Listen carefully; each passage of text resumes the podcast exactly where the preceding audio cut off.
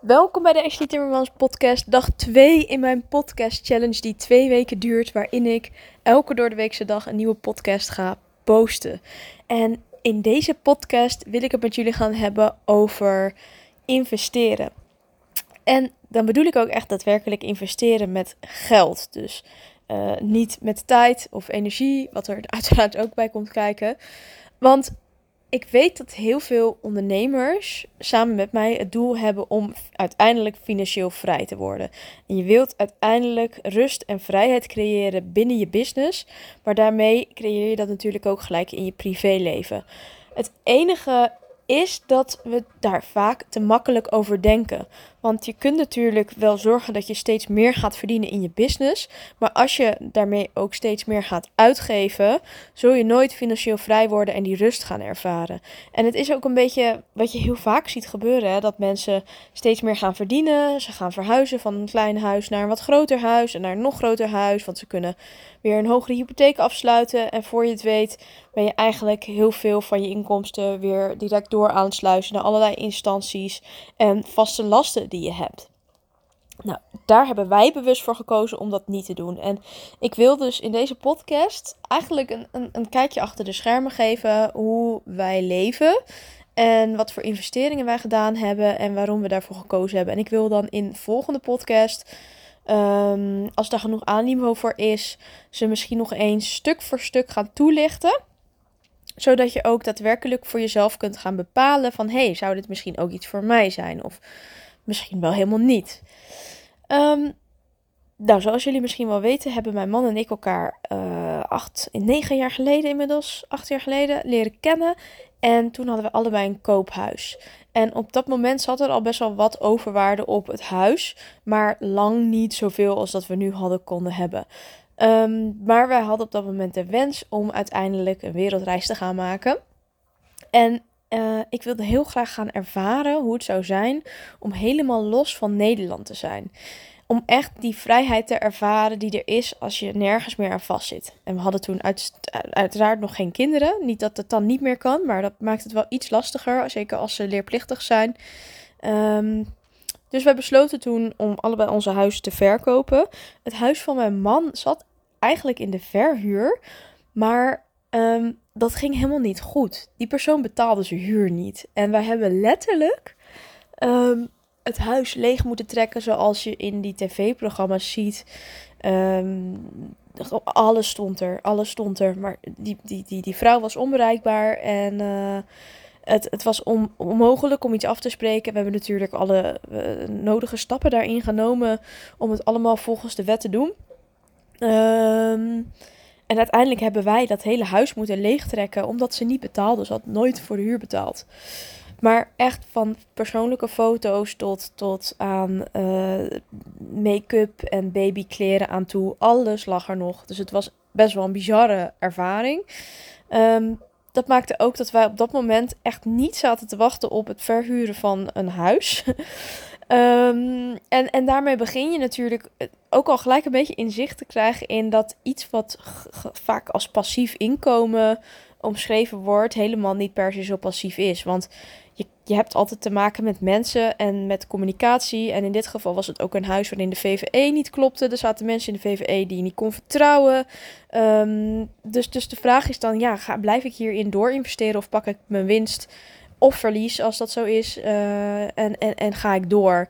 Nou, wij kozen er dus voor om allebei onze huizen te verkopen. Ik heb nog wel een tijdje mijn eigen huis uh, via Airbnb verhuurd. Terwijl wij op reis waren. En dat ging super goed. En dat was ook echt heel leuk. Maar omdat ik dus ook wilde ervaren hoe het zou zijn om helemaal vrij te zijn, koos ik er toch voor om ook mijn huis te verkopen. En dat was het moment dat wij dus uh, bij de Shoreguard twee van die kleine opslagruimtes hadden van anderhalf kuub anderhalf vierkante meter. Dat is volgens mij geen kuub.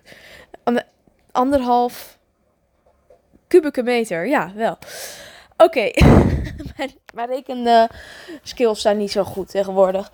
Um, en, en daar zaten wat, wat persoonlijke spullen in. En dat was het. En, en we hadden een camper gekocht. Een Citroën Jumper. En daarmee gingen we lekker reizen.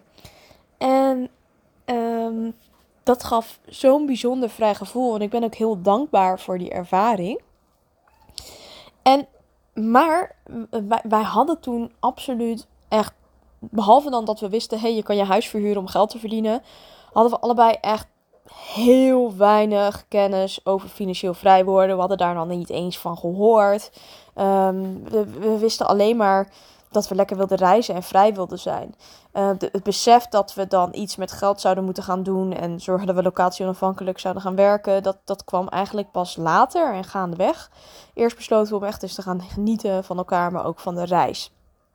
En we wisten dus al wel, nou, je kan je huis verhuren, maar, maar daar stopte het een beetje.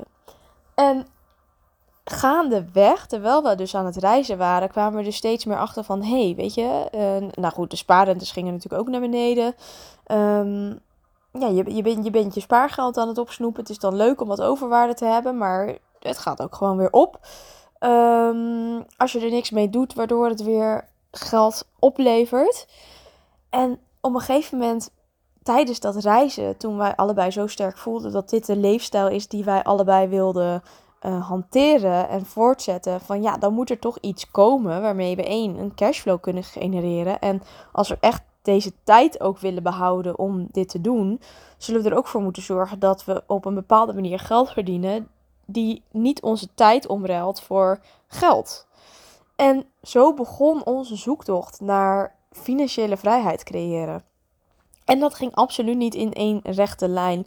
Um, ik ben heel erg voorzichtig met, met ergens instappen. Ik vind het altijd heel spannend en ik wil sowieso altijd alle risico's uh, goed voor ogen hebben. Ik wil een duidelijke keus maken. Ik, ik ga een avontuur niet uit de weg, maar ik wil wel een weloverwogen keuze maken. En dat je dan altijd nog wel weer dingen tegenkomt die je niet verwacht had, vind ik niet erg. Um, ik, vind het ook, ik ben ook geen voorstander van lenen. Nu ben ik daar ook weer anders naar gaan kijken uh, gaandeweg. Um, maar in principe wil ik gewoon altijd zorgen dat ik een potje heb.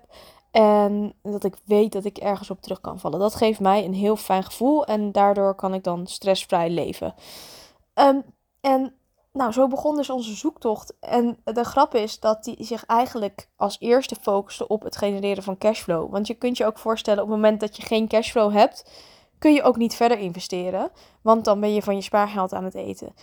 Als je al zodanig veel spaargeld hebt dat je een zodanige uh, rendement kan behalen waar je weer van af kan romen, is dat natuurlijk ook een optie. Maar dat was bij ons niet het geval. En dus zodoende gingen we op zoek naar een manier om online geld te verdienen. En nou, ik heb hier al een keer eerder een podcast over opgenomen. Uh, mijn eerste podcast neem ik je mee in mijn ondernemersreis. Dus ik ga daar verder nu niet te veel over uitweiden. Um, maar wat begon als, als heel erg offline ondernemen, crepes bakken op een bakfiets. Um, uh, samen met mijn man de lunchroom uh, slash theezaak runnen op Kijkduin. Uh, ja, ontwikkelde dat zich eigenlijk steeds meer verder naar compleet online werken. En waar ik nu sta, is dat ik zorg dat ik alles wat past bij mijn business compleet online is. Maar op het moment dat ik zin heb om offline iets te doen en ik ben in Nederland, dan doe ik dat.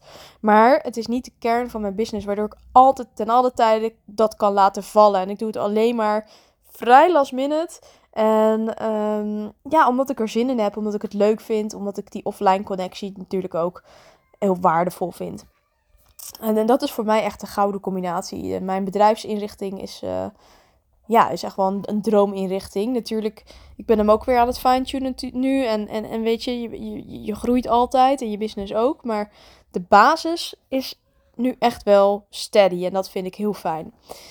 Um, nou, en dan komt natuurlijk het verhaaltje verder investeren. Van wat ga je nu doen met het geld wat je verdient en met het spaargeld wat er nog is. Waar ga je dat in investeren? En um, onze zoektocht begon en kwam uiteindelijk uh, vrij snel uit bij crypto. En wij volgden toen een, uh, een cursus waarin je leerde om direct 1 euro in crypto te stoppen. Dus wij begonnen ook letterlijk met 1 euro investeren in crypto. En we dat was het begin van de boeren. En de boeren betekent eigenlijk de, de stijging die Bitcoin toen doorging. Hij stond er volgens mij op 15.000 dollar. Um, nou, en zoals jullie weten, uh, steeg die binnen een jaar door naar uh, eh, 60.000 dollar. Dus dat is natuurlijk een enorme stijging. Dat is keer vier.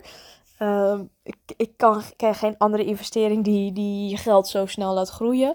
Maar die ook weer je geld heel snel kan laten krimpen. Dus Ehm, we begonnen met, met crypto, zijn er heel enthousiast ingestapt, echt volle bak. Dus ook niet zo van, hé, hey, we stoppen er wat in en we gaan verder, gewoon verder. Nee, we zijn echt wel uh, ons daarin gaan verdiepen. En uh, elke avond waren we informatie aan het opzoeken en um, ja, ons erin aan het verdiepen wat er allemaal mogelijk was. En het is zo'n wereld op zich en er is zoveel mogelijk. Dus het is ook niet zomaar iets waar je instapt. En ik raad ook mensen, kijk, ik ben geen financieel adviseur, maar um, als mensen aan mij vragen, hey, crypto, dan raad ik eigenlijk ook altijd aan om alleen maar in bitcoin te stappen en gewoon maandelijks een bedrag daarin te stoppen wat kan groeien waar je niet aan hoeft te zitten.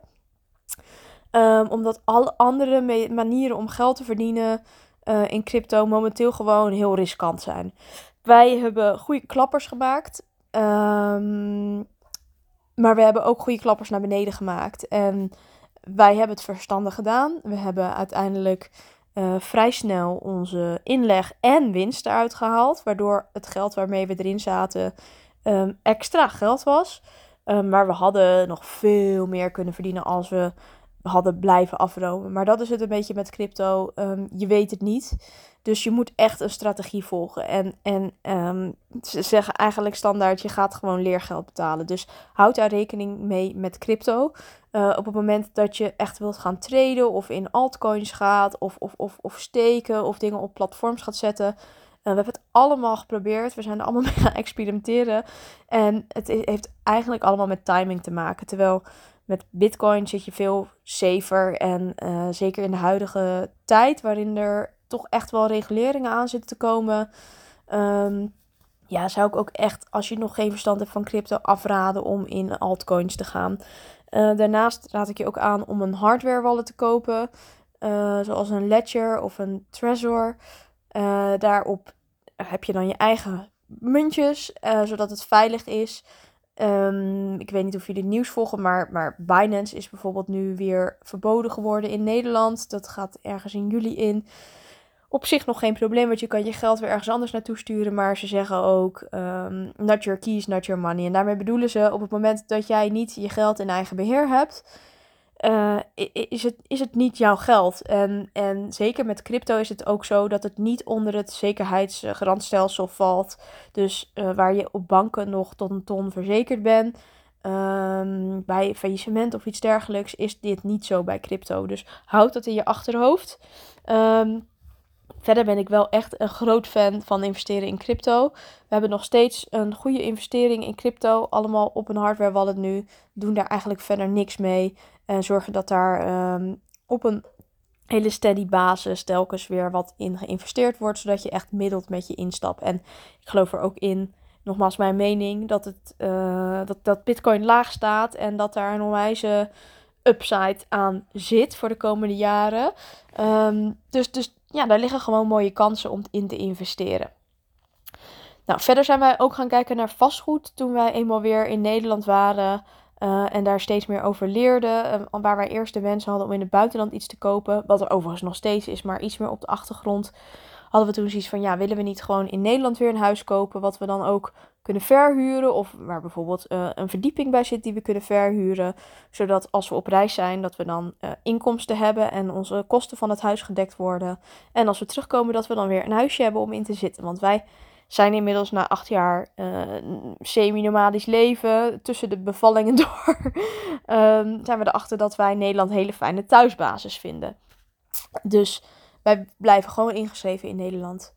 Voor zover dat nu de planning is, hè, want je kan nooit alles voor altijd vastleggen. Nou, naast crypto um, hebben wij ons dus heel erg verdiept in vastgoed. En je hebt ook aandelen waar je in kan investeren. En aandelen um, zijn, hebben net iets meer een basis dan crypto. Wij zijn daar ook ingestapt, ik denk nu twee jaar geleden. Ook telkens met kleine bedragen. Wij hebben er bewust voor gekozen om te kiezen voor innoverende bedrijven die uh, op het gebied van duurzaamheid investeren. En daar kijken wij ook echt wereldwijd naar. Uh, dat doet vooral mijn man. Ik heb de aandelen losgelaten. Uh, maar ook daar hebben wij dus een kleine investering in. Dat is ook geld waar we niet aankomen, waar we alleen maar geld bijzetten. En dat is lange termijn. Dus dan heb ik het echt over 5 tot 10 jaar minimaal. Um, daarnaast zijn we toen gaan kijken naar vakantiehuisjes en uh, garageboxen. Maar al snel uh, leek ons dat niet rendabel genoeg. En dat komt wel omdat je een beetje verpest wordt door de crypto. Want op het moment dat jij uh, percentages van groei binnen een jaar van 400% ziet. En je ziet een rendement staan van, van 8 tot 10% op een garagebox. Ja, dan uh, denk je, ja, nou weet je, laat maar. Um, dus, dus, dus dat hebben wij toen op dat moment gelaten. Tot eigenlijk dit jaar. Um, waarin mijn interesse weer aangewakkerd werd om me te gaan verdiepen in vakantiehuisjes. Mede omdat de vastgoedmarkt op dit moment gewoon uh, nog niet zodanig gezakt is waarvan ik denk, hé, hey, dit vind ik een goed moment om heel veel geld te investeren.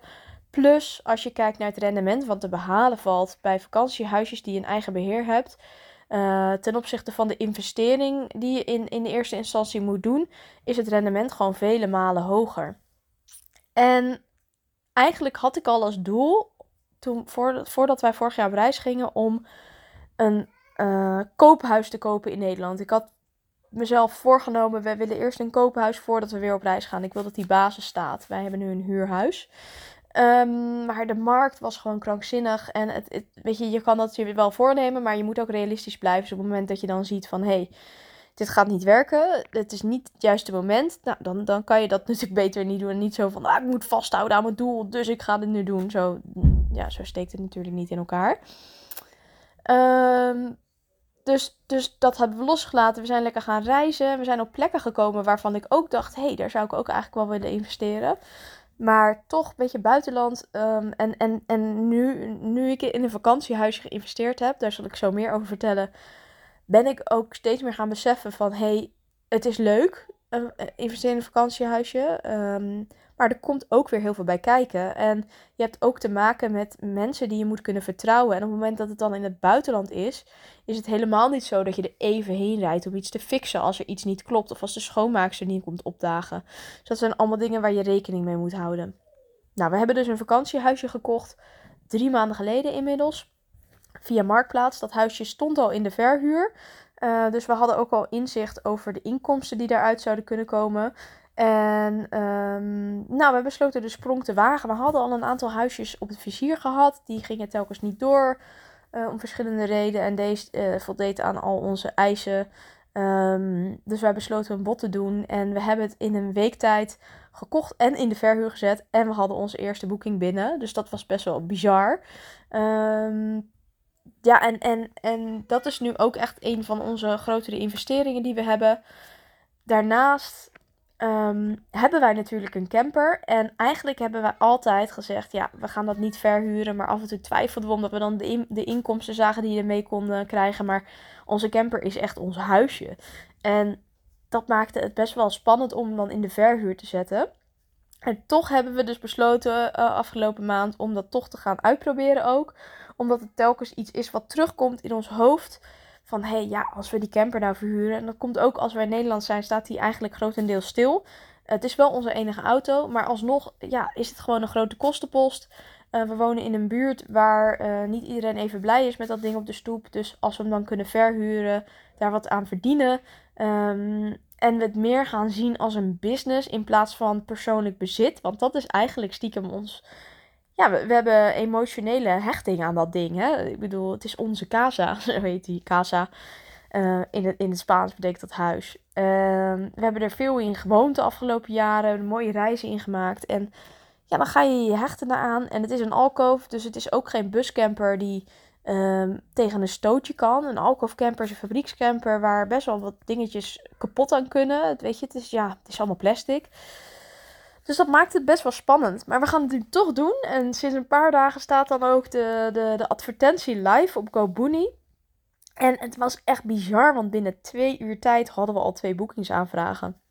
Dus ik ben de camper nu echt gaan zien als investering die we hebben. En het geeft een heel fijn gevoel in plaats van dat je het ziet als het is een ding waar we af en toe gebruik van maken, een mooie reis in maken, wat maar geld kost en onderhouden moet worden naar het, het is uh, wel ons bezit, maar um, we onderhouden het en we, we investeren daarin omdat er ook weer geld uitkomt en het bijdraagt aan onze financiële vrijheid. Dus dat geeft ons echt een heel fijn gevoel. Nou, daarnaast hebben wij ook nog wat kleinere bedragen in uh, crowdlending gestopt. Dat betekent dat je je geld eigenlijk uitleent aan een project of een, of een bedrijf. Uh, ook dat doen we vaak weer in bedrijven die duurzame doelen hebben of bijdragen aan een betere wereld. Ik vind dat heel belangrijk. En daar zit dan vaak een wat kleiner rentepercentage op, tussen de 5 en 8 procent. Maar is wel heel leuk om te doen. Um, dus, dus, dus op die manier hebben wij heel veel verschillende uh, investeringen gedaan. Waarin sommige al bijdragen aan een stukje passief inkomen wat we hebben. Zoals het huisje en dan als het goed is zometeen de camper. Um, en wat lange termijn investeringen om ons spaargeld uh, te laten groeien. En dat is ook uiteindelijk waar het om gaat als ondernemer. Uh, en zeker als jij financieel vrij wilt gaan worden, zul je echt moeten gaan kijken naar je financiën, naar je situatie. Van hé, hey, waar wil ik nou naartoe werken? En dat betekent niet dat jij alles wat je leuk vindt opzij moet gaan zetten.